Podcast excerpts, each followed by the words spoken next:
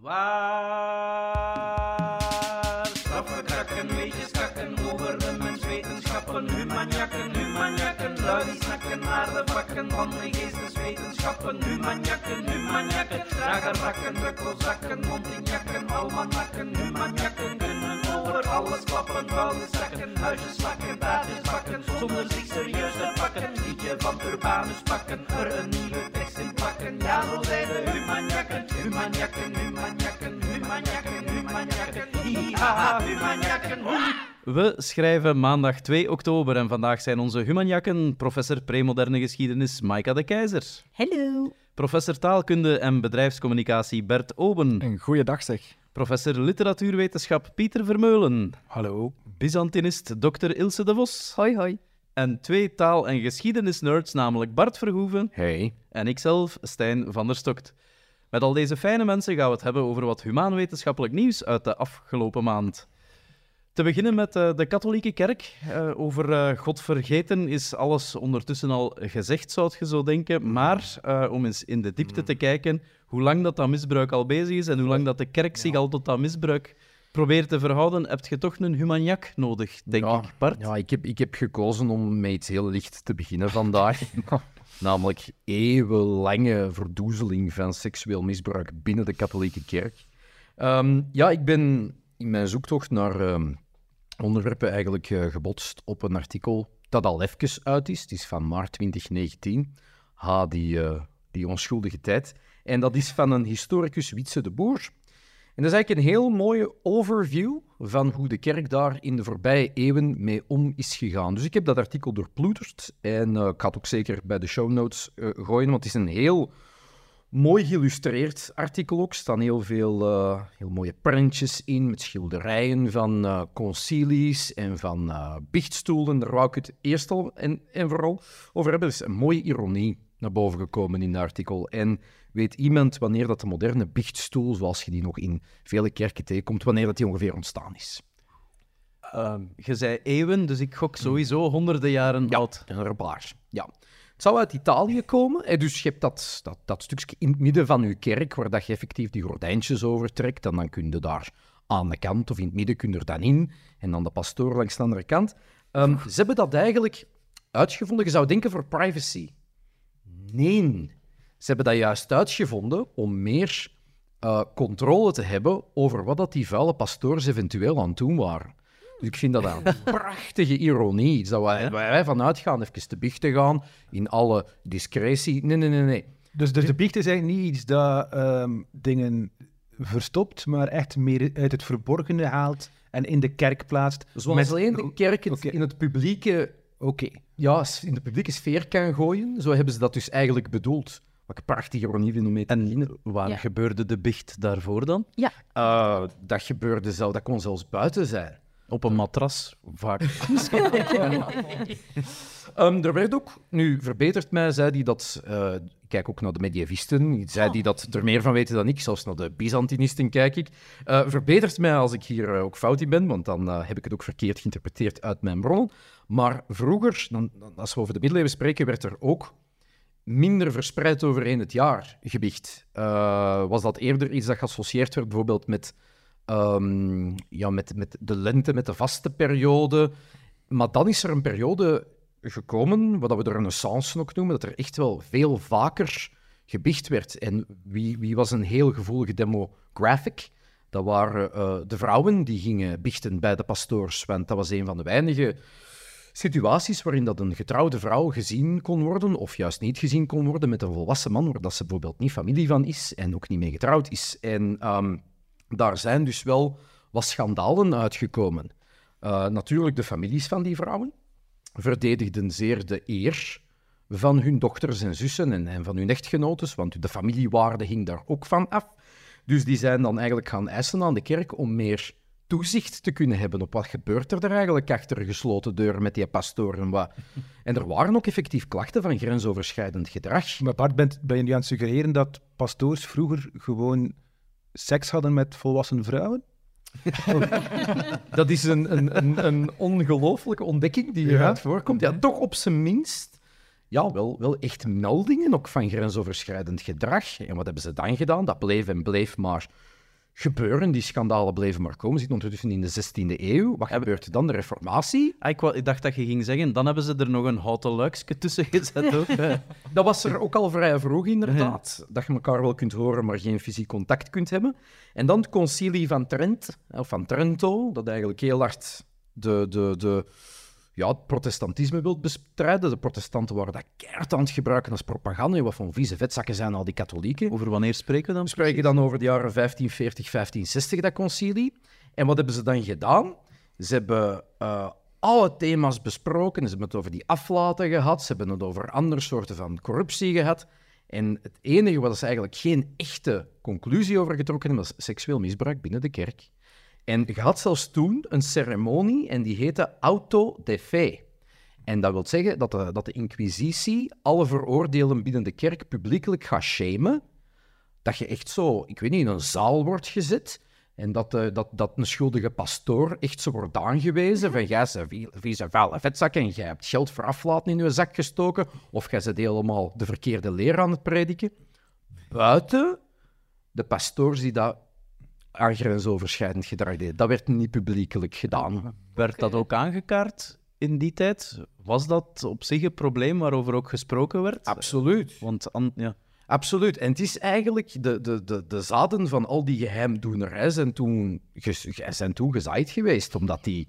Toen, ja, sorry. Ja, No pun metafoorkeuze daar. daar Ja, als we no pun over aanspreken. Bart. Eh, maar nee, heel die geheimzinnige ja, doenerij, die is toen eigenlijk heel hard versteend geraakt, omdat ze effectief heel bang waren van al die schandalen. En dan is het ook allemaal heel intern gebleven, want wij willen daar niet mee naar buiten komen. Eigenlijk wat dat er nu bezig is, dat is al sindsdien eigenlijk aan de hand, sinds de reformatie. De kerk komt daar al niet meer mee buiten sinds die dingen, omdat ze zo bang zijn van het schandaal.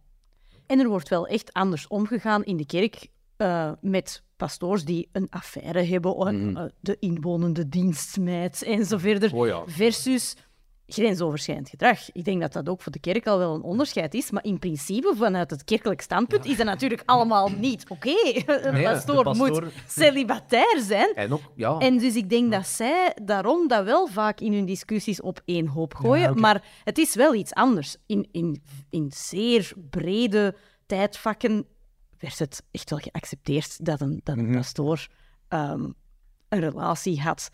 Ehm, je mocht dat niet openlijk doen, eh, je moest dat wel een beetje verstopt houden. Maar dat is iets helemaal anders, denk ik, wel degelijk. Ook toen al, met grensoverschrijdend gedrag. Maar ja, beide zijn problematisch voor de kerk natuurlijk. En je mag daar niet zomaar over, over praten. Ja, maar ik denk dat wij vooral over dat tweede heel terecht, heel verontwaardigd Ja. zijn, terwijl we dat eerste toch eh, waarschijnlijk... Oh ja, dat doet geen stof opwaaien vandaag. Hè? Bart, als de kerk zich al eeuwen met misbruik bezighoudt en zich daar nog altijd niet zo goed toe kan verhouden, Ja. wat zegt dat dan over de toekomst? Denkt je dat er, daar, eh, dat er nu iets wezenlijks veranderd is?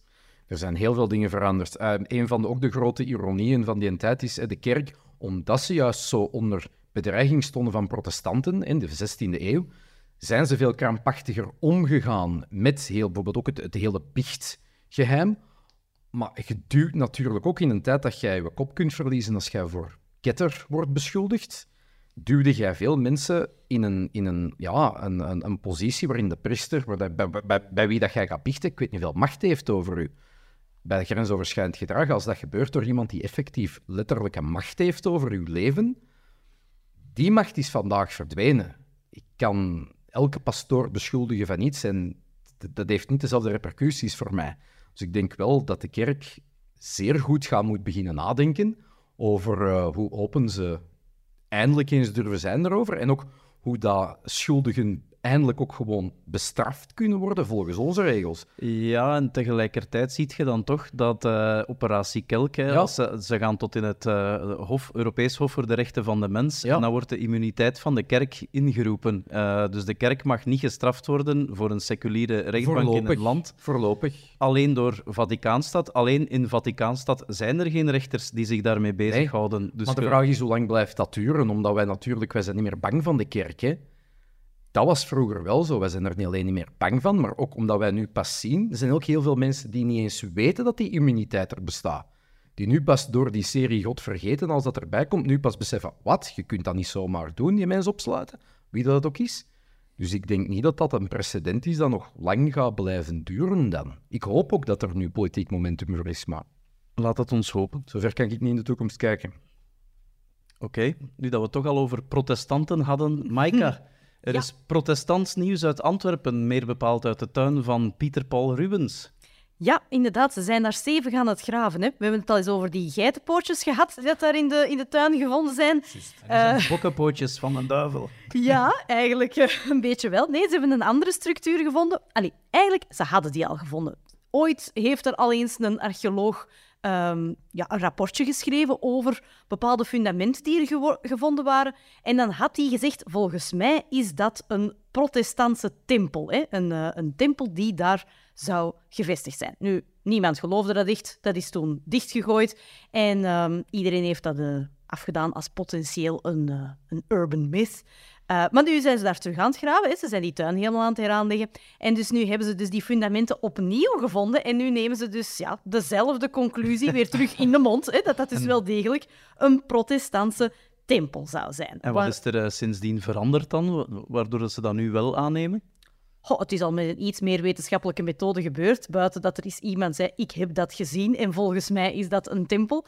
Eh, dus op die manier heb je, heb je iets meer kritische massa die daar dus eh, dat daar eh, achter staat. Ik heb nu twee mensen die gezegd hebben, volgens mij is het een tempel. Ja, Voilà, absoluut. Ja, dus, eh, dus dat is eigenlijk al wel een mooi begin. En we weten ook wel hè, dat er zo'n tempels zijn. Ongeveer een achttal zouden er gebouwd moeten geweest zijn in Antwerpen alleen. En we weten dat dat ook gebeurd is. En allemaal specifiek in één jaar, in 1566. Dan zijn er in de zuidelijke Nederlanden een hele reeks van dat soort tempels gebouwd in de zuidelijke Nederlanden. Enig idee waarom? Wel, het jaar van de beeldenstorm. Het is net voor de beeldenstorm dat het gebeurd is. Hmm. Oeh. Hmm. Heb je nog een tip, Maaika?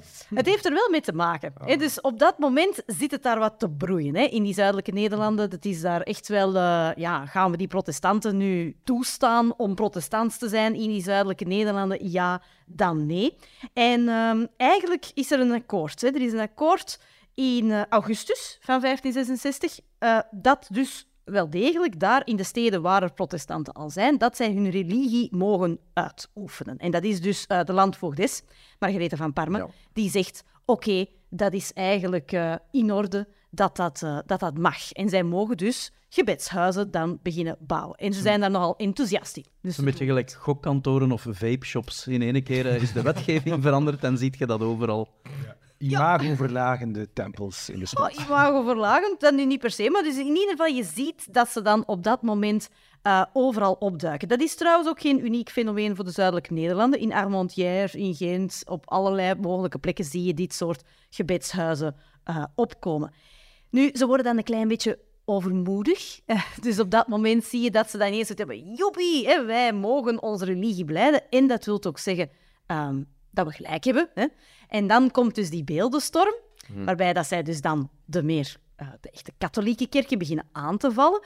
Ehm, ja, en dan zie je dat het ook wel ineens gedaan is. Hè. Dus dan is, de, dan is ineens de goodwill om dat soort eh, Ja. religieuze plekken te aanvaarden, is dan ook ineens weg. En dus minder dan een jaar later worden al die eh, tempels en die godshuizen gewoon terug afgebroken. Dus die, die tempel die moet daar één jaar, minder dan één jaar, hebben gestaan, daar in het Ruweshuis.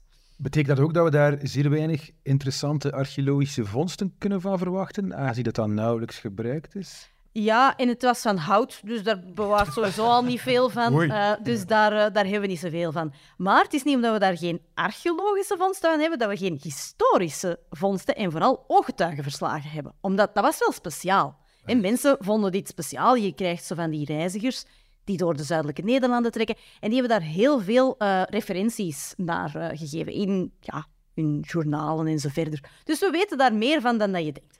En dus wat we weten, nu uit de archeologie, maar dus ook uit al die beschrijvingen, is dat ze het dus een tempel noemen en geen kerk. Dat is om te beginnen al. Dus ook op dat moment noemen ze dat dus een tempel. En dat het een polygoon is. Meestal een acht, eh, achtvormige structuur, wat dus een fundamentele breuk is met de traditionele kerk. En dus ook niet alleen qua naam, maar dus ook qua structuur.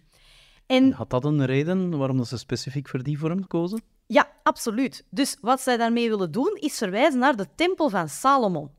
Zij willen de kinderen van Jeruzalem zijn, die ook werden vervolgd hè, in de verre, verre geschiedenis. En zij associëren zich daarmee. En zij willen dus teruggrijpen naar de beeldtaal van het allervroegste begin van de religie. En daarmee zich dus afzetten tegen de corrupte kerk, die veel te ver afgeweken is van dus die eh, oorspronkelijke religie. Maar wat ik nog het allerleukste weetje vind, is dat ze zich vergist hebben. dus de tempel van Salomon, hè, ze hebben zoiets van, oké, wij Oh, willen die tempels van Salomon, die staat er natuurlijk niet meer op dat moment in Nee. Jeruzalem. Al even niet meer. Wat stond er op dat moment in Jeruzalem op die plek? De, de Dome, Dome of the Rock. Ja, inderdaad, de rotschool. Tempelberg, of wat is dat? Ja, voilà. Dus ze hebben zich gewoon vergist en ze hebben eigenlijk de achtvormige structuur van een islamitische structuur eh na zitten bouwen. Want Dat is de eerste moskee in Antwerpen. Dat is waar. Ja? eigenlijk wel.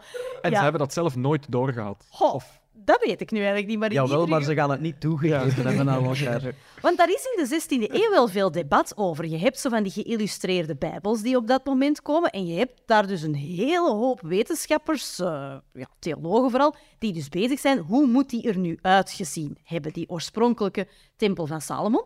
En de illustraties die in die geïllustreerde bijbel staan, zijn helemaal niet hetzelfde als die achtvormige polygone structuren die hier dus gebouwd zijn door dan de protestanten in die steden. Dus ja, op de een of andere manier moet dus het, het, het publieke imago van wat staat daar nu in de heilige stad, eh, moet dan gebruikt zijn. Wat ook zou kunnen, is dat ze niet echt die islamitische eh, bouwwerken als inspiratie hebben genomen, maar wel de, de kerk van het heilige graf. Kerk, kerk van het heilige graf is van Constantijn, al helemaal tot de, tot de vierde eeuw. Ehm, dat dat teruggaat. En dat is ook zo'n polygoongebouw. gebouw. En die wordt de nieuwe tempel van Salomon genoemd. Maar ja, Ja, zo kun je alles eigenlijk... uitleggen. Zo kun je alles uitleggen. Je ziet dat ze eigenlijk niet zo goed mee zijn met welke inspiratie, van waar dat ze dat nu net hebben. Maar in ieder geval, het is dus een van die redenen waarom dat ze dat dus zouden hebben gedaan. Nu, het is ook pragmatisch. Eh, protestanten die houden van, van een preekstoel en dus meer een, ja, een preek afsteken in de kerk. En dat wil zeggen dat je dan je gelovigen moet zien en zij u moeten zien. En dus zo'n ronde structuur blijkt daar beter geschikt voor te zijn. Dus ook vanuit puur pragmatische overwegingen is zo'n polygone structuur handig. Heeft Rubens ooit geweten dat er zo'n tempel in zijn tuin had gestaan? Want dat wordt nu altijd gezegd hè, in de tuin van Rubens, maar dat is eigenlijk een heel ander Ja. tijdvak. Ja, en vooral daar stond toen nog geen huis van Rubens en dat was toen ook nog geen tuin. Ehm, maar het is op zich wel ironisch, want de vader van Rubens is moeten vluchten uit de zuidelijke Nederlanden wegens, Ja, eh, protest- Onder andere. wegens eh, Jan protestantisme. Rubens, ja. Ja, en hij is dan moeten terugkomen en hij heeft zich dan wel gesetteld in contra-reformatorische zuidelijke Nederlanden. Eh, maar hij zat dan eigenlijk op de fundamenten van de tempel waar dat zijn vader mogelijkerwijs wel eens een voet heeft binnengezet. Zou wel kunnen. Zou wel kunnen. Heerlijk. Goed, weg van religie, iets helemaal anders. eh, en misschien zelfs iets leukers, ik weet niet. Eh, honden, die begrijpen de taal van hun baasje.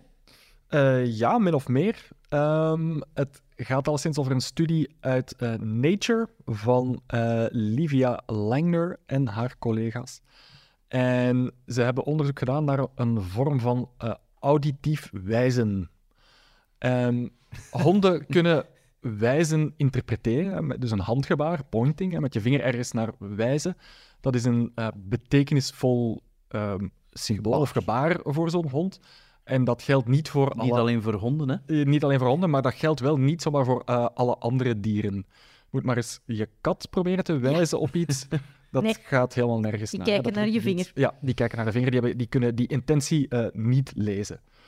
Ehm, waar de vraag die ze in dit onderzoek gesteld hebben, is of als je in een bepaalde richting praat, of dat ook een cue kan zijn voor een hond om net die richting uit te gaan. Ja, dus niet Hmm. naar jou te komen, maar de richting waarin je praat, om die richting uit te lopen. Hm. Oké, Dat is wat ze onderzocht hebben. Wauw. ben benieuwd. En ehm, de vraag was, of ze hebben daar twee factoren nog bij bekeken.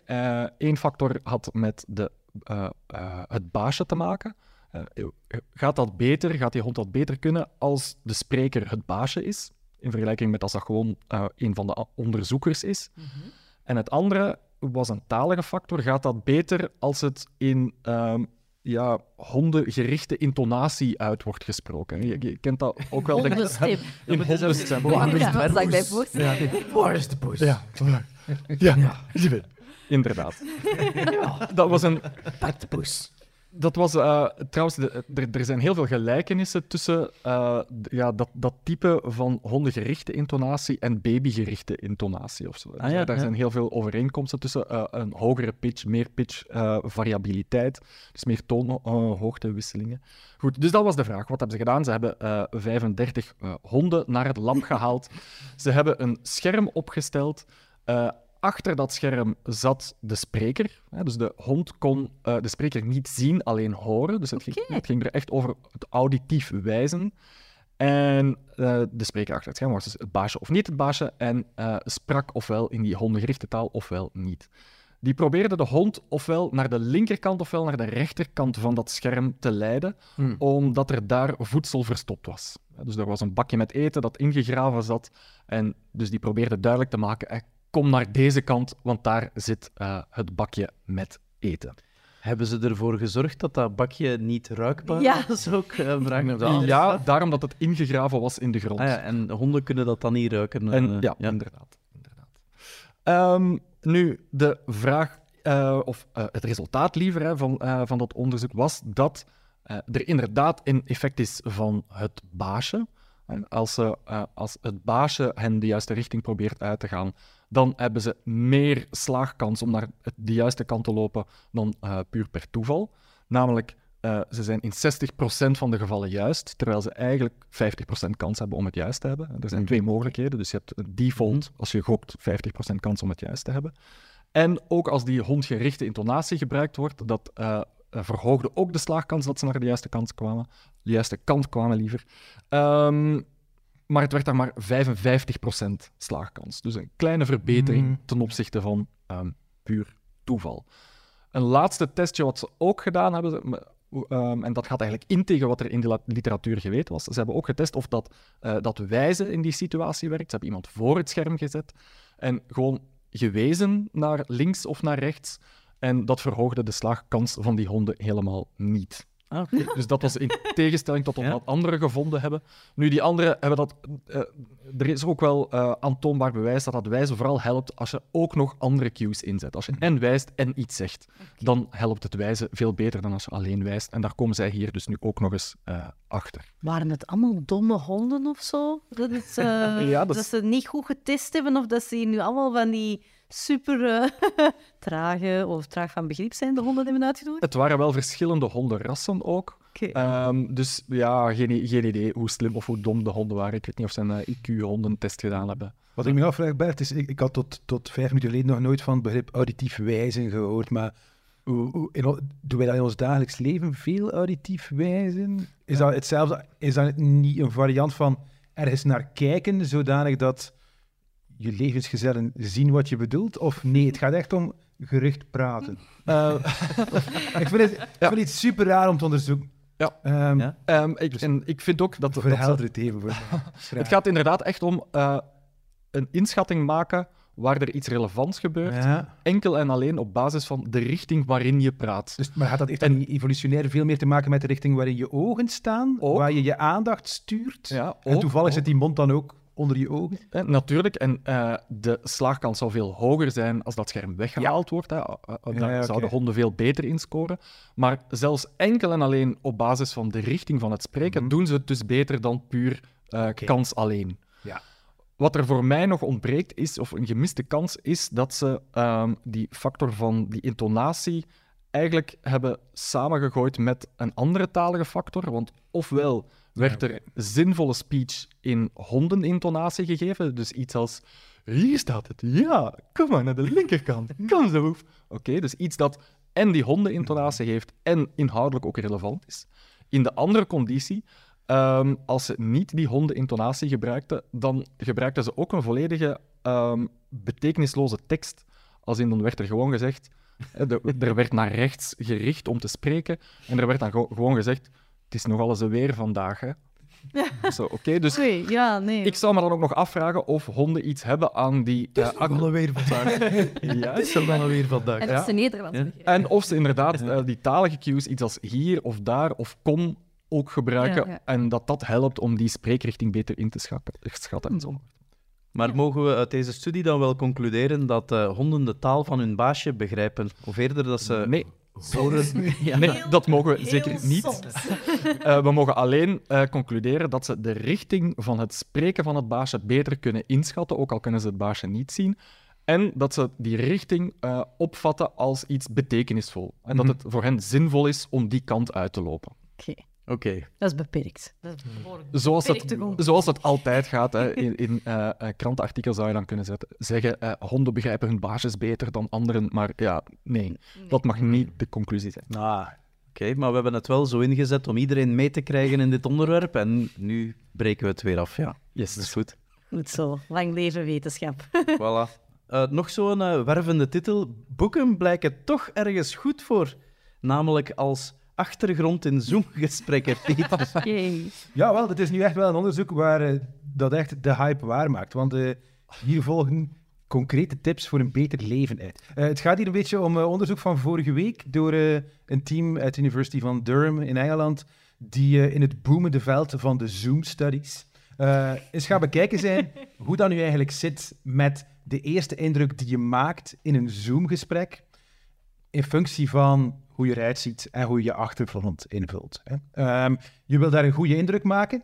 Zoals we weten is een eerste indruk iets waar je zelden nog overheen komt. Eh, en eigenlijk weten we niet zoveel over wat de juiste manier is om jezelf daar in de markt te zetten. Ehm, en die onderzoekers vertrekken eigenlijk van bestaand onderzoek, dat er eigenlijk altijd van uitgegaan is dat er in een goede indruk maken, eerste indruk maken tijdens een Zoom-gesprek, dat dat eigenlijk een soort trade-off is tussen professionalisme en authenticiteit. Hè? Ehm, we hebben allemaal waarschijnlijk al advies gehoord om te kiezen voor een witte achtergrond, dat geweldig professioneel is, maar zeer weinig authenticiteit uitstraalt. Ehm, we kennen allemaal mensen, ik begrijp dat ook niet echt, maar die zo de achtergrond blurren, wat er ook zo wel wat professioneel uitziet, maar toch ook een donkerbruin vermoeden doet reizen dat die mensen iets te verbergen hebben. dus het is met andere woorden altijd wat ingewikkeld. In het begin van de COVID-pandemie, toen we dat allemaal nog niet gewoon waren, was het natuurlijk ook wel leuk om zo eens bij collega's binnen te kijken, toen Ja. we nog niet wisten Ja. dat er daar een etiket rond bestond. eh. Nee, het is dat waar. was de meest authentieke periode, Ja. denk ik. Authenticiteit ten koste van professionalisme. Want uit voorgaand,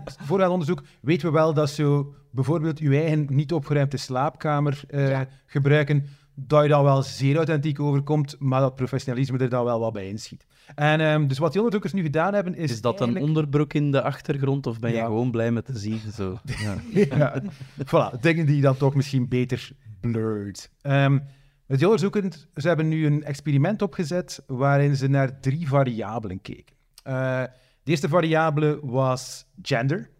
Worden, maken mannen of vrouwen een betere eerste indruk? En de hypothese was een beetje, mannen komen competenter over, vrouwen komen authentieker over. Ehm, het, en ik ga het maar meteen vertellen, het voor ons mannen nogal teleurstellende eh, conclusie van eh, dit toch wel breed opgezette onderzoek is dat zoiets als de male competence bias, dat dat toch niet meer bestaat. Oh, dat vind ik wel schoon. Ja, We hebben er wel even van kunnen profiteren. hè. ja. we zijn er toch geraakt waar dat we geraakt zijn, maar het, eh, het is voorbij. Dus hoe de achtergrond ook zit, hoe de gelaatsuitdrukking ook is, vrouwen scoren significant eh, beter, zowel qua competentie als qua authenticiteit. Ehm, Maar dan wel alleen in Zoom. Zo blijkt. Of is dat daarbuiten ook getest? ja, maar ja, dit, dit gaat over het gaat over Oké. Dus, ehm, Zoom komen we Zoom beter studies. over. Dus qua gender waren de resultaten vrij duidelijk. Een tweede variabele die ze onderzocht hebben eh, ging over gelaatsuitdrukkingen.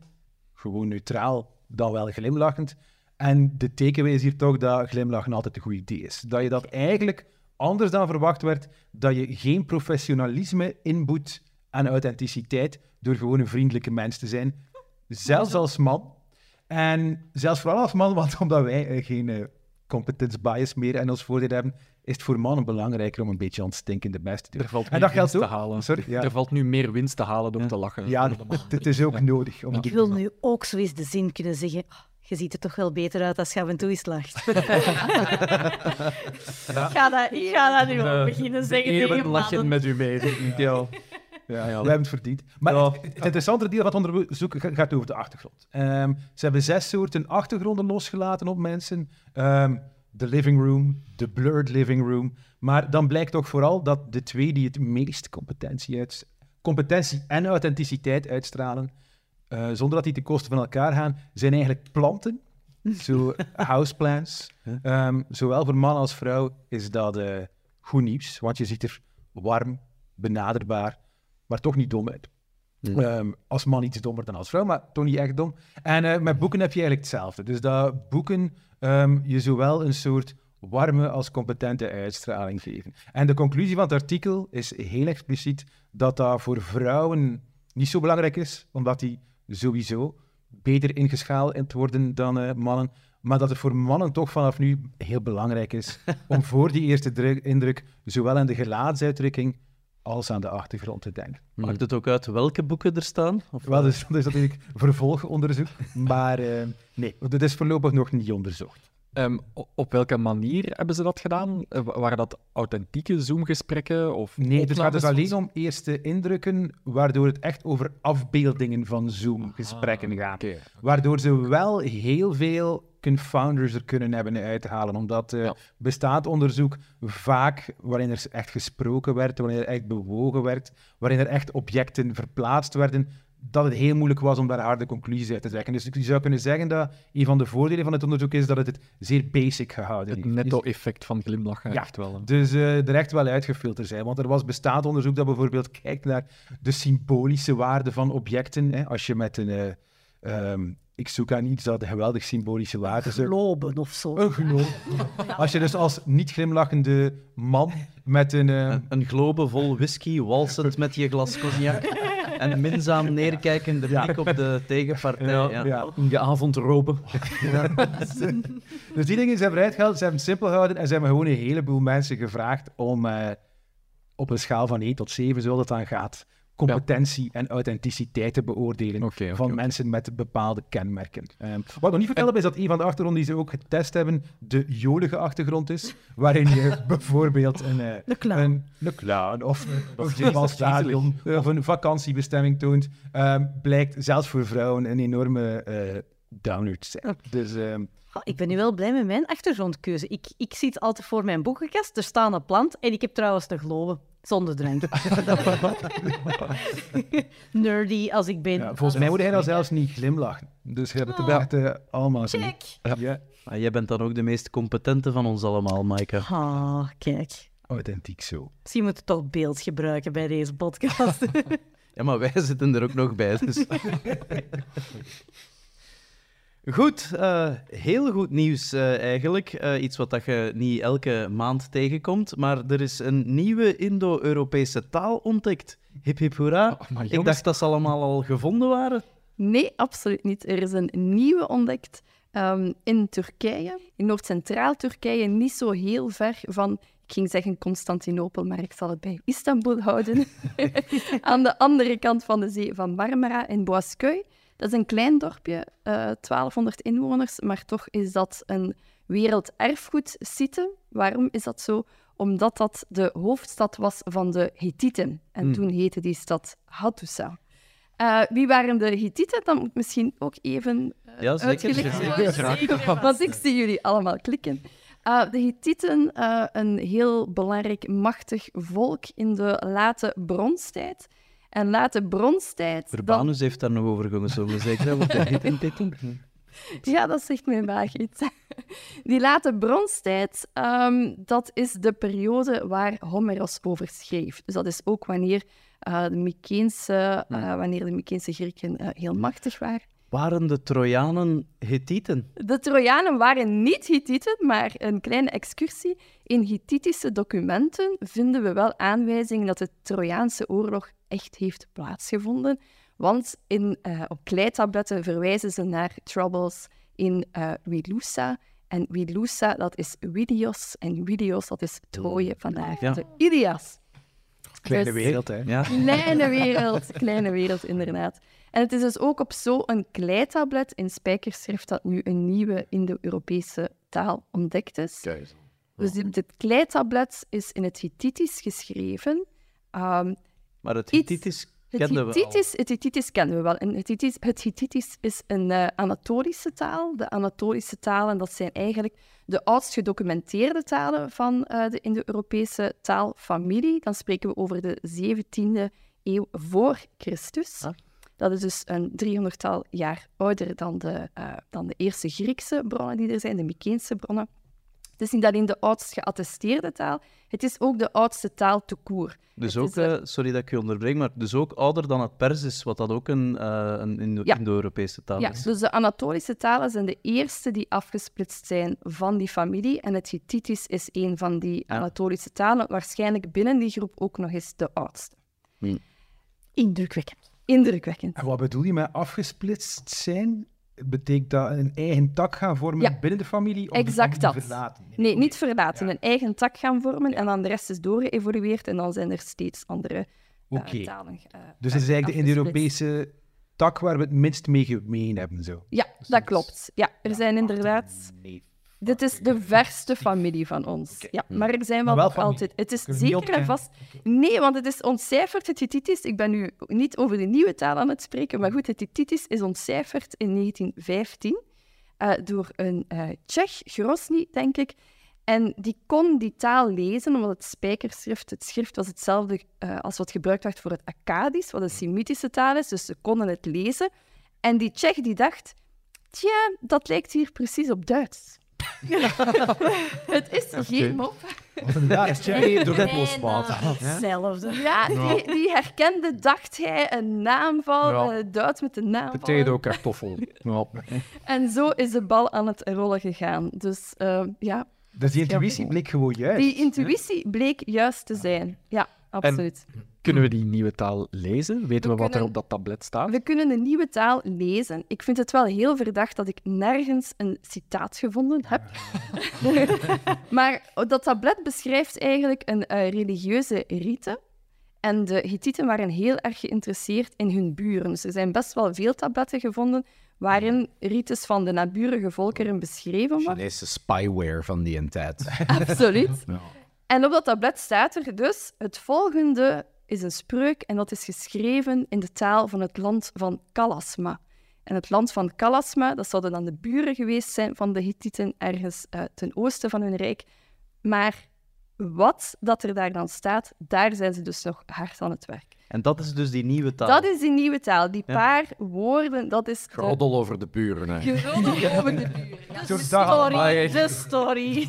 Goeie Vlamingen. eigenlijk. Klachten over een illegale tempel of zo. I don't know. Dus Maar we hebben een nieuwe taal ontdekt, maar we hebben nog geen letter van ontcijferd. Dat is het Ja. goede nieuws. Dus we moeten wachten op een check die zat Die genoeg is om daar tijd te zijn. Deze is Duits, mannen. Allee, snap je dat nu niet? We kunnen het lezen natuurlijk, want het is wel in datzelfde spijkerschrift geschreven. En de experten zeggen, ja, het is duidelijk een Anatolische taal. Eh, dus de veronderstelling is dat het binnen die Anatolische familie een onbekende variant daarvan is. Als je zegt, we kunnen dat lezen, maar we snappen niet wat betekent lezen dan. We, we herkennen de individuele lettertekens, betekent Ja, dat dat? We dus zouden de klanken kunnen Ja, de ja, spijkerschrift is een syllabisch schrift. Oké. Dus ik zelf niet, maar experten kunnen inderdaad wel dat uitspreken, maar ze hebben geen idee wat er staat. Oké, man. Ja. Oké. Net zoals we Tsjechisch kunnen lezen zonder het te begrijpen. Ja. Ehm, hoe, hoeveel ouder of zo? Of hebben we daar een idee van? Vermoedelijk is, het niet ouder dan het Hittitisch. Is het een jonger broertje? Maar nu, ik zie jullie kijken, waarom is dit zo waanzinnig interessant en waarom moeten we hier zo enthousiast Ik over vind zijn? het max. Ah, Oké, super. Vooral door die check wel. Vooral door de. Eh, het is heel goed nieuws. Ten eerste omdat het inzicht gaat geven in die Anatolische familie op zich. Eh, maar ook omdat, en nu wordt het echt heel cool, het Hittitisch is de oudste eh, in de Europese taal en heeft een aantal elementen die de andere Europese talen in de Europese talen wij dus niet meer hebben. Onder andere een bepaald foneem, een bepaalde klank, een klank, die eind 19e eeuw verondersteld werd in theorie en die dan in begin 20e eeuw, dankzij die Tsjech, toen het Hittitisch ontcijferd werd, bevestigd werd. Ehm, Dus dat was een soort gat in het Ja. fonetisch systeem, waarvan Ja. we wisten dat hij moest gevuld worden. En hij is gevuld door een Tsjechische. Ja, inderdaad. ja, want het gaat over de klinkers. Dus de A-klinker, de A-klank, die zou niet in het proto-Indo-Europees, dus in die oertaal, bestaan hebben. Dus ze zagen een aantal vreemde zaken in, al die Indo- proto- in, in die Indo-Europese talen. En die A-klank was daar één van. En de veronderstelling van de Saussure, heette hij, Ferdinand de Saussure, voilà, de laryngaaltheorie, eh was die A-klank is waarschijnlijker gekomen onder invloed van een e plus iets anders. Maar dat iets anders, hij had geen idee wat het was. En toen kwam het Hittitisch en toen vielen de puzzelstukjes allemaal in elkaar. Oh, zo mooi is dat gebeurd. Prachtig, prachtig. Ja, bijvoorbeeld het Latijnse avus. Avus betekent Grootvader. grootvader. Goed zal zijn. Bijna, bijna. Ja. Ja, het Latijnse avus komt in het Hittitisch overeen met hoehas. Dus Oh met ja. de klank. Ja. En Je dat moet geen soort- Tsjech zijn om dat te horen. Dan moet daar een West-Vlaming voor zijn. Hoe hast? En voilà. En zo zijn er een, een, een heel aantal gevallen van die rare A-klank specifiek aan het begin van een woord, die kunnen verklaard worden door die klank die weggevallen is. En in het Hittitisch, in de oudste Indo-Europese taal, zien we die nog. Natuurlijk, nu is de hoop, een nieuwe Anatolische taal komt erbij. Misschien gaan we daar verder ja, nog meer klanken Maar zitten we nog zo op, eh, op, op klanken te wachten, waarvan dat we weten dat ze moeten bestaan hebben, maar nog geen taal gevonden hebben waar dat ze in zat? Voor zover ik weet niet. Want dat zijn wel de max. Ja. Maar dus 30.000 kleitabletten zijn daar gevonden. Duitsers zijn daar 100 jaar lang al bezig met opgraven. En nu hebben ze er eentje gevonden met een paar woorden op in die. En zijn er aanwijzingen dat er nog meer te rapen of te vinden valt? Hoe, hoe goed ontsloten of zo is die dataset al? Het zijn Duitsers, dus ik ga ervan uit. Dus veel meer valt er niet te verwachten dan dat ene stukje dat we Nee, nu ze zijn natuurlijk nog keihard bezig. Ik persoonlijk, ik verwacht heel veel. Maar ik vind het wel verdacht dat we... ne- ik heb nergens een foto gevonden van, het, van dat specifieke tablet. Ik heb nergens de transliteratie gevonden, dus ik vind het een klein beetje verdacht. Maar misschien is het gewoon nog te nieuw allemaal. Dat kan ook natuurlijk. En er zijn nog andere Hittitische sites die ontdekt kunnen worden. Want eigenlijk zijn er maar heel weinig archeologische sites van het Hittitische Rijk opgegraven. Dus dat, is, dat is een rijk dat echt verdwenen is. Dat is van de kaart gevaagd. Letterlijk, waardoor dat het heel lang heeft geduurd tegen dat we Ja. die site hebben ontdekt. Dus wie weet hoeveel sites weet. kunnen we nog Wie weet. ontdekken. Ja, absoluut. Goed, iets, eh, iets anders dan. En daarvoor ga ik iets laten horen.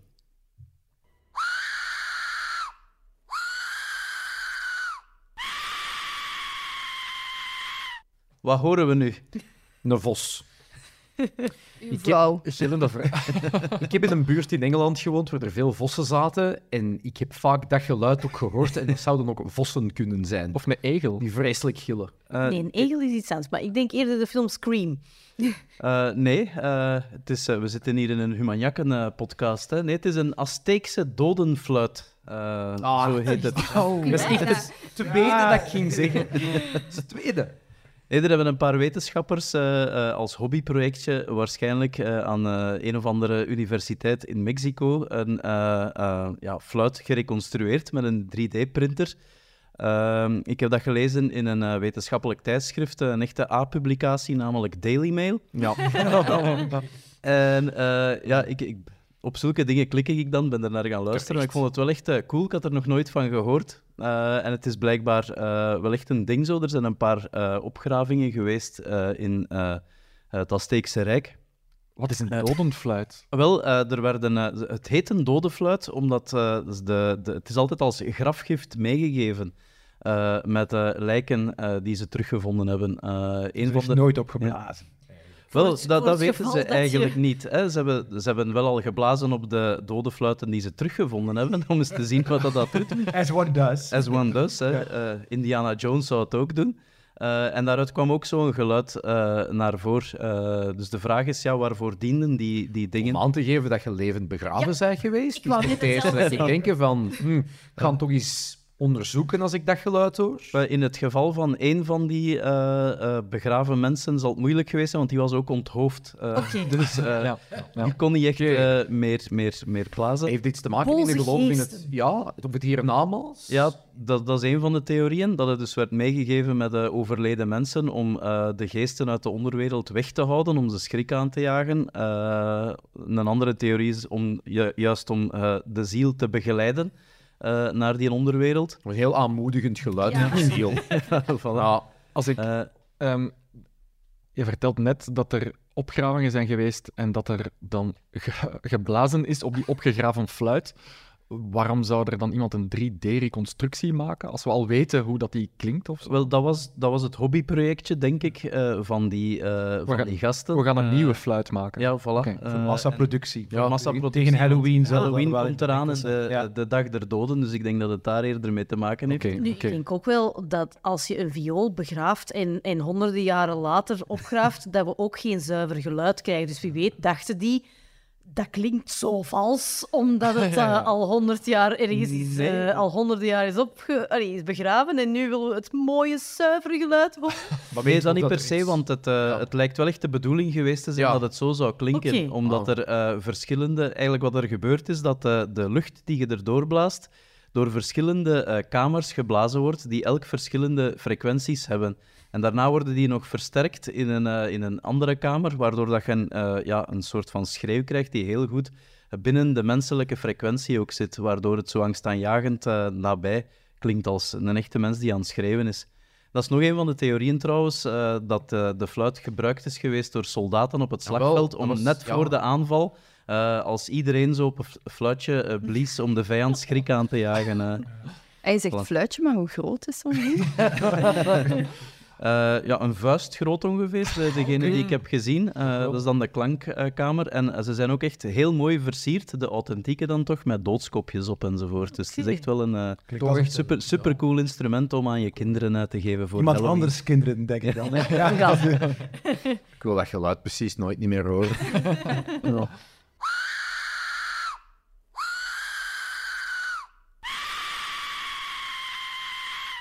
Kortom, we weten weer wat kopen voor Halloween. Iets helemaal anders dan. Ehm, namelijk eh, een nieuws over de complexiteit van talen. Hè. De veronderstelling is of was dat eh, eh, talen die in een homogene gemeenschap gesproken worden, dat die complexer zijn dan talen die in een heterogene gemeenschap gesproken worden. Maar dat blijkt nu niet zo te zijn, Bert. Dat is heel juist. Ehm, ik ben hier aan het spreken over een onderzoek dat eh, heel recent in Science is gepubliceerd door een hele grote groep van onderzoekers. Toch niet de Daily Mail. Eh, ja, inderdaad, een licht ander genre. Ehm, het gaat om de Linguistic Niche Hypothesis. Dat is net wat jij in je intro heel eh, duidelijk eigenlijk al hebt verteld. Hè. Ehm, als je Daarvoor zit ik hier. als je een eh, taal hebt van een gemeenschap waarin alleen maar moedertaalsprekers in voorkomen, dan ehm, zou die taal ehm, grammaticaal gezien, dan zou die taal complexer zijn dan een taal waarin heel veel moedertaalsprekers en niet-moedertaalsprekers elkaar ontmoeten. Ja, eh, Wat dan want- eigenlijk ook logisch lijkt, omdat de niet-moedertaalsprekers zich per definitie van eenvoudiger taal moeten bedienen, eh, waardoor je zou Ja. denken dat dat een weerslag heeft op de hele taal. Dat is inderdaad de verwachting dat als er heel veel taalcontact is tussen die moedertaalsprekers en niet-moedertaalsprekers, dat je een soort van aanpassingsgedrag onder andere gaat zien gebeuren. Dat je een vereenvoudigde versie van de taal spreekt om ervoor te zorgen dat die niet-moedertaalspreker sneller de taal leert of jou sneller begrijpt. En dat er daardoor minder eh, complexiteit in die taal zit. Ehm, nu, het, wat deze paper eh, wil, wil claimen, is dat het bestaande onderzoek daarvoor wel eh, zeker aanwezig is. Er zijn behoorlijk wat papers die die hypothese bevestigen. Maar die vertrekken eigenlijk allemaal vanuit een vergelijking van een paar talen met elkaar. Mm, dan ook nog eens een aantal grammaticale fenomenen. Eh, zeker niet alle eh, grammaticale fenomenen die je mee in rekenschap zou kunnen brengen. Ehm, en ook van eh, gemeenschappen die ook nog eens heel divers zijn. Hè. Soms je, je kan een hele homogene groep hebben, maar een hele grote groep, of een homogene groep en een kleine groep. Dus daar loopt eigenlijk heel veel door elkaar. Je hebt allemaal kleine deelbewijsjes, maar mm, wat die auteurs vinden is dat er ehm, ja, dat het ontbreekt aan een hele grote studie, die zij natuurlijk zelf hebben uitgevoerd. hè. Eh, met eh, heel veel talen die onder de loep worden genomen, eh, waarbij er heel breed ingezet wordt op die grammaticale complexiteit. En dat is wat ze hier ook eh, uitvoeren en voorstellen. Het is inderdaad... Kunnen we, gewoon om het eens concreet te maken ook, eh, zijn er voorbeelden van complexe talen versus minder complexe talen? Ehm alleszins eh, voorbeelden van eh, fenomenen in, eh, eh, in, in talen die ofwel complex ofwel minder complex kunnen zijn. Bijvoorbeeld voornaamwoorden. En beleefdheid, juist heel complex aan het worden tegenwoordig voornaamwoorden. beleefdheid in voornaamwoorden. Ik ga het, ik ga het daarover houden. Dus ehm, in het Nederlands heb je misschien een aantal mogelijkheden. Je kan iemand met, met je, met jij of met u aanspreken. En daar zit een, een verschil in beleefdheid, die, je- die je daar grammaticaal kan uitdrukken. Er zijn talen waarbij die complexiteit veel groter is, waarbij je veel meer verschillende vormen hebt, waarbij eh, leeftijd onder andere een rol speelt. Hè, waarbij het uitmaakt of je iemand aanspreekt die ouder is dan jou. Waarbij het gender ook een rol speelt. Waarbij jij als man een andere man aanspreekt, of jij als man een andere vrouw aanspreekt, van een bepaalde leeftijd. En al die verschillende mogelijke combinaties kunnen hun eigen voornaamwoord hebben. Waarbij je een beleefde en een minder beleefde variant hebt. In welke richting dat je spreekt. ja, Is daar een hond bij? eh, inderdaad. Dat kan eh, allemaal bepalen welk voornaamwoord je moet gebruiken. En ja, dat leidt dus tot een complexer systeem. Ehm, dus wat hebben die onderzoekers gedaan? Ze hebben een hele brede sample genomen van 1300 talen die ze onder de loep hebben genomen. Dus een, een hele grote spreiding, wat eh, eh, regionale spreiding, grootte van de groepen, ehm, ook die homogeniteit binnen die groepen. En daarin zijn ze dan gaan kijken naar eh, die complexiteit. En het, zou me te ver leiden om uit te drukken hoe ze dat precies gemeten hebben. Maar ze hebben wel voor waslijsten aan grammaticale features zijn ze gaan tellen. Hè, komen die features voor? In welke mate komen ze voor? Hoeveel van die verschillende vormen zijn er? Ehm, als het over die voornaamwoorden gaat, hè, gewoon tellen. Hè, hoeveel mogelijke categorieën heb je hier in die onbeleefdheid uit te drukken in die voornaamwoorden? En ze komen eigenlijk tot de conclusie dat ehm, er ehm, geen effect is van de homogeniteit van de taalgemeenschap op de complexiteit.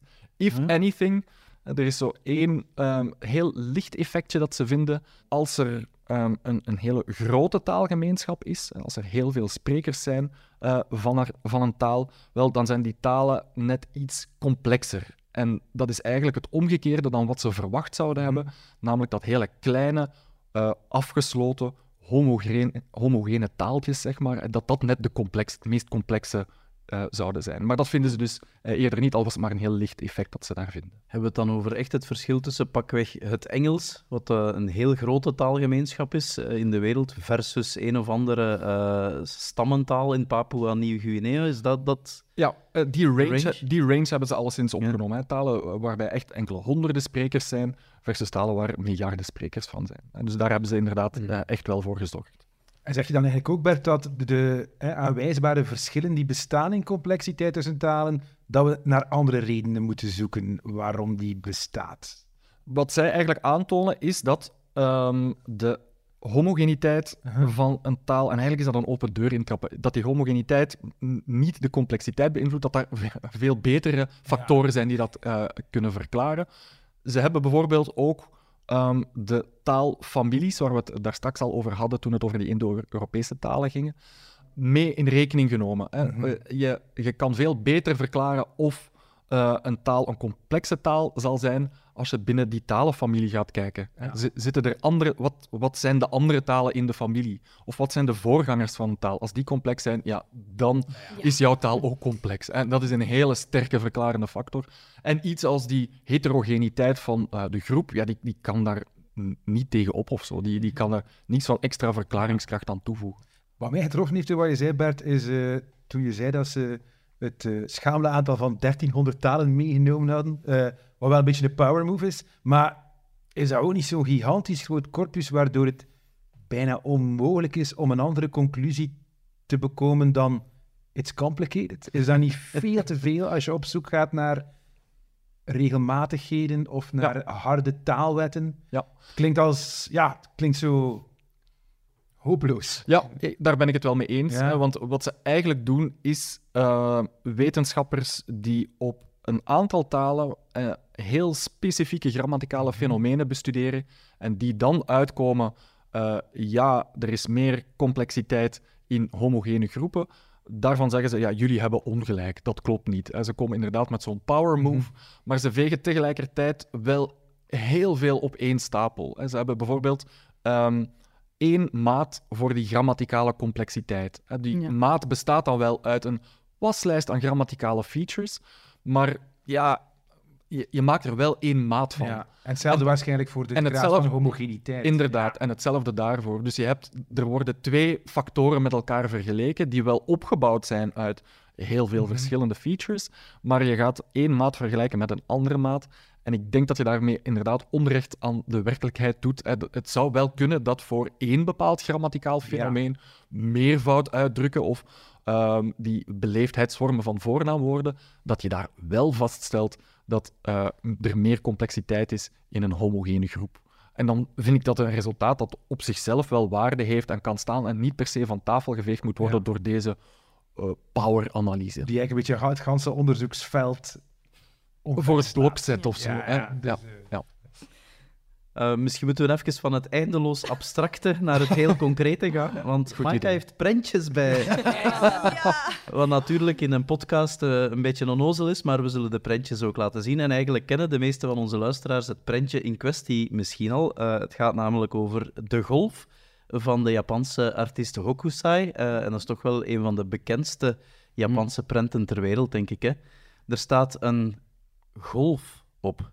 Ja. Vandaar dat het de golf heet. Ja, het is niet alleen om die golf te doen, maar ook wel over de berg Fuji die er dan achter staat. Maar, maar bon, want het komt uit een reeks, de 36 afbeeldingen van, ehm, van de berg Fuji.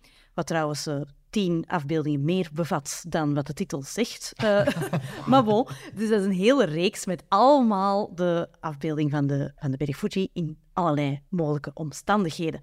Nu, dat is niet het speciale van het onderzoek eh, dat in het nieuws is geweest. Het gaat erom, hè, iedereen zegt, dit is de afbeelding van Katsushika Hokusai.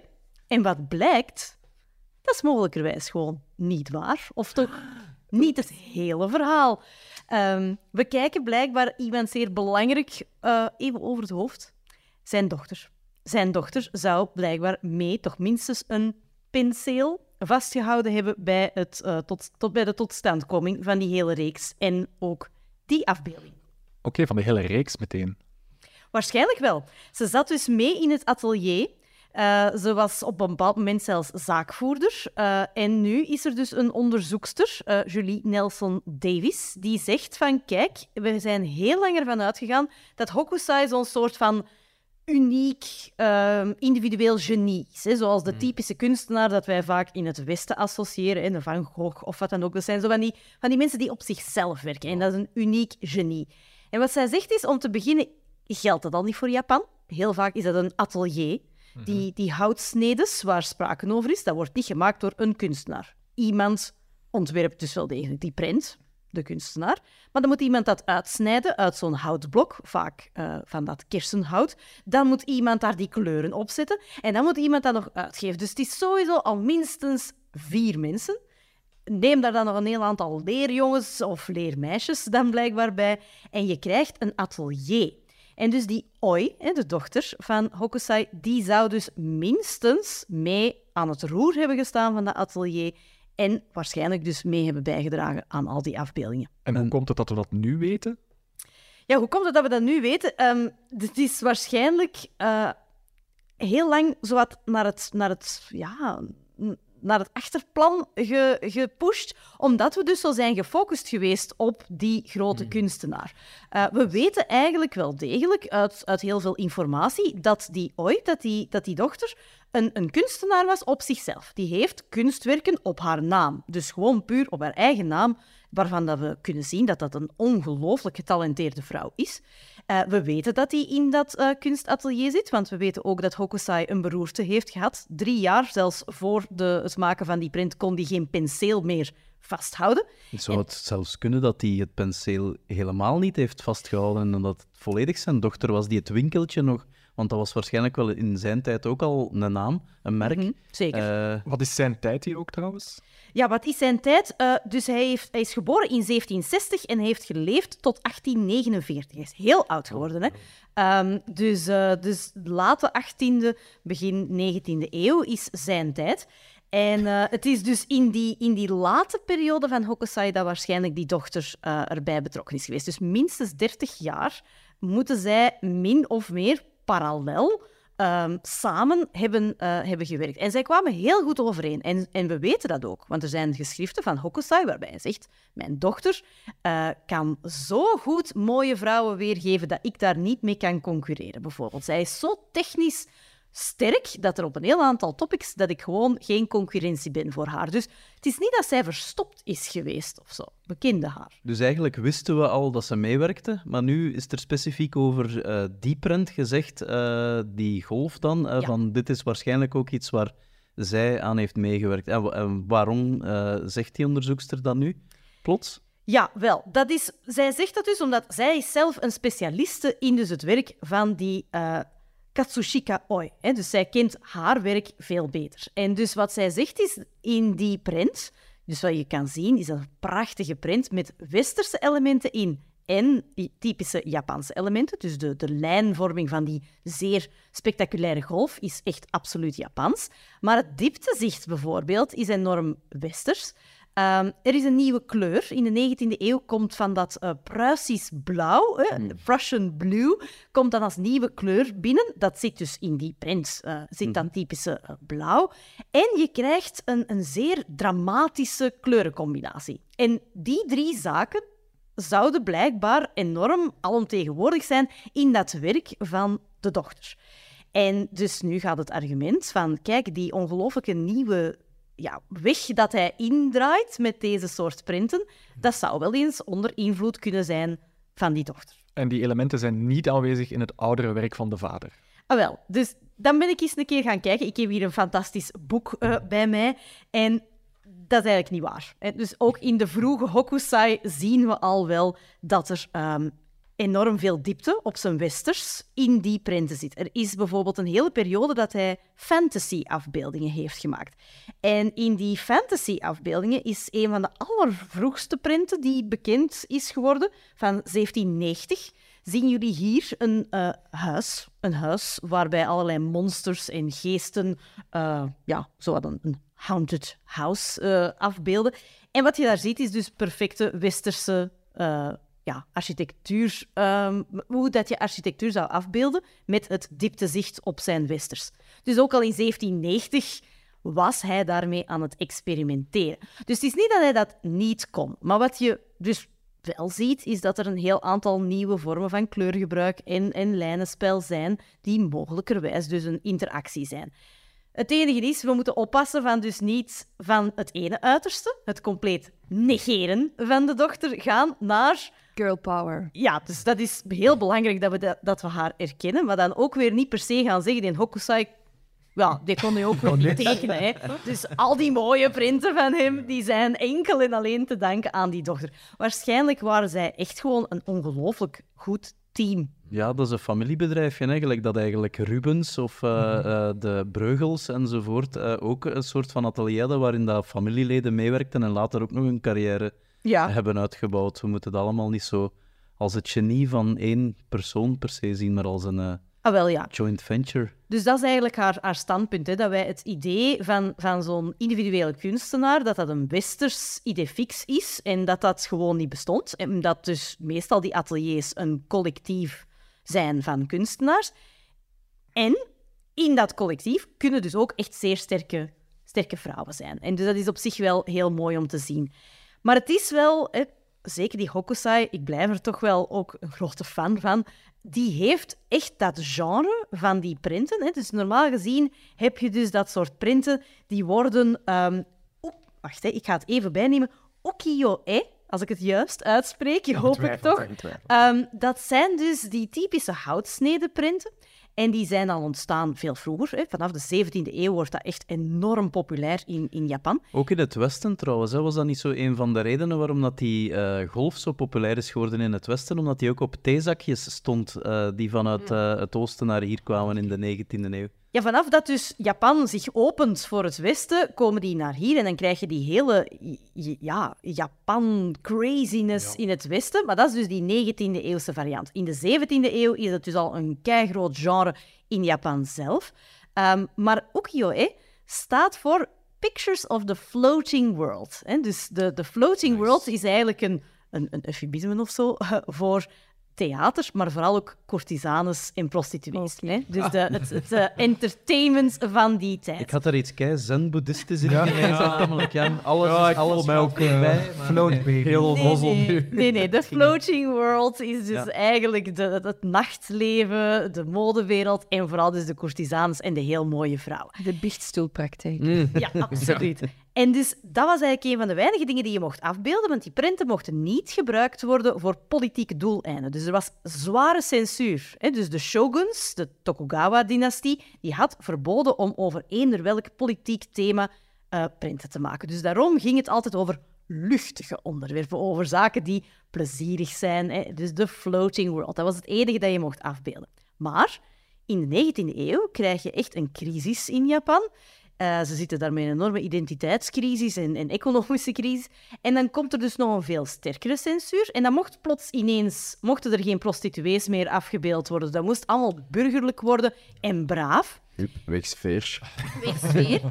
Eh, en dus wat je ziet, is dat ze dan wat daarvoor een soort van achtergrond is, een landschap of bloemen of vogels, dat die dus het onderwerp op zichzelf worden. En het is dus die Hokusai en een aantal van zijn volgelingen die dat dus echt op de kaart hebben gezet. En dat vernieuwende, ja, dat is dus wel degelijk ook al een vroege Hokusai die dat heeft gedaan. Hè? Dus dat genie zit er wel absoluut in. Het enige dat we dus nu wel degelijk moeten erkennen, is dat dat dus een, een collectieve effort is en dat dus zijn dochter minstens even briljant was. Ehm, eerherstel voor Kachuchiko Oi. Ja, absoluut. Goed, dan moeten we nog één ding doen, namelijk het aptoniem van de maand verkiezen. En er, zijn, eh, ja, er is een oogst eh, van eh, een hele zomer. Het was dan ook zomer. Ja, voilà. Eh, er is heel wat sport geweest in deze zomer. eh, dus eh, twee aptoniemen komen ook uit die wereld. Eh, er was een Belgische deelnemster aan het WK boogschieten en die geraakte wel niet voorbij de derde ronde. Maar haar naam was wel een voltreffer. Ze heet Senna en haar familienaam is Pijl. Pijltjes. Bullseye. Roos? Roos. Voilà, bullseye, maar in het Nederlands. Ja. Senna Roos eh nam deel aan het WK boogschieten. Een schot in de roos. Mooi zo. Naast, eh, en dan was er nog een, eh, ja, een wereldkampioen steentjesketsen, want blijkbaar hebben ze daar ook een eh, wereldkampioenschap van. Dus Dat dat, heb ik toch niet gelezen op Sporzas. Hè? steentjesketsen op het water. Hè. En, eh, de, record, de huidige recordhouder heeft eh, ook een eh, heel toepasselijke naam. Ehm, zijn naam is Kurt en het is een Duitser. dus, eh, Stein? Plons. Steiner. Stein, Steiner. Dus Kurt Steiner doet aan steintjes ketsen.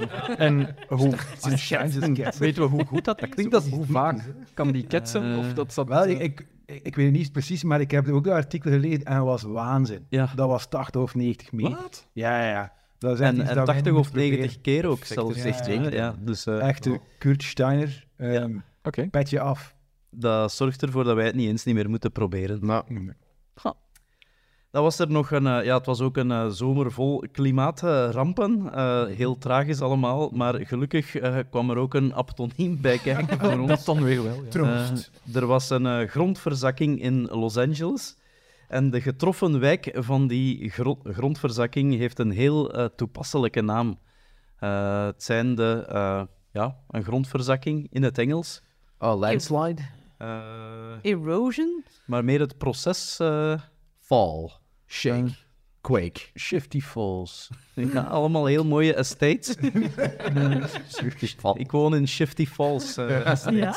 Maar nu niet meer. maar het, eh, nee, ik denk dat het moeilijk is om te Sliding? raden. Het gaat over de Rolling Hills Estates. Rolling Hills. Ja, dat vind ik ook wel schoon, ja. Heel mooi.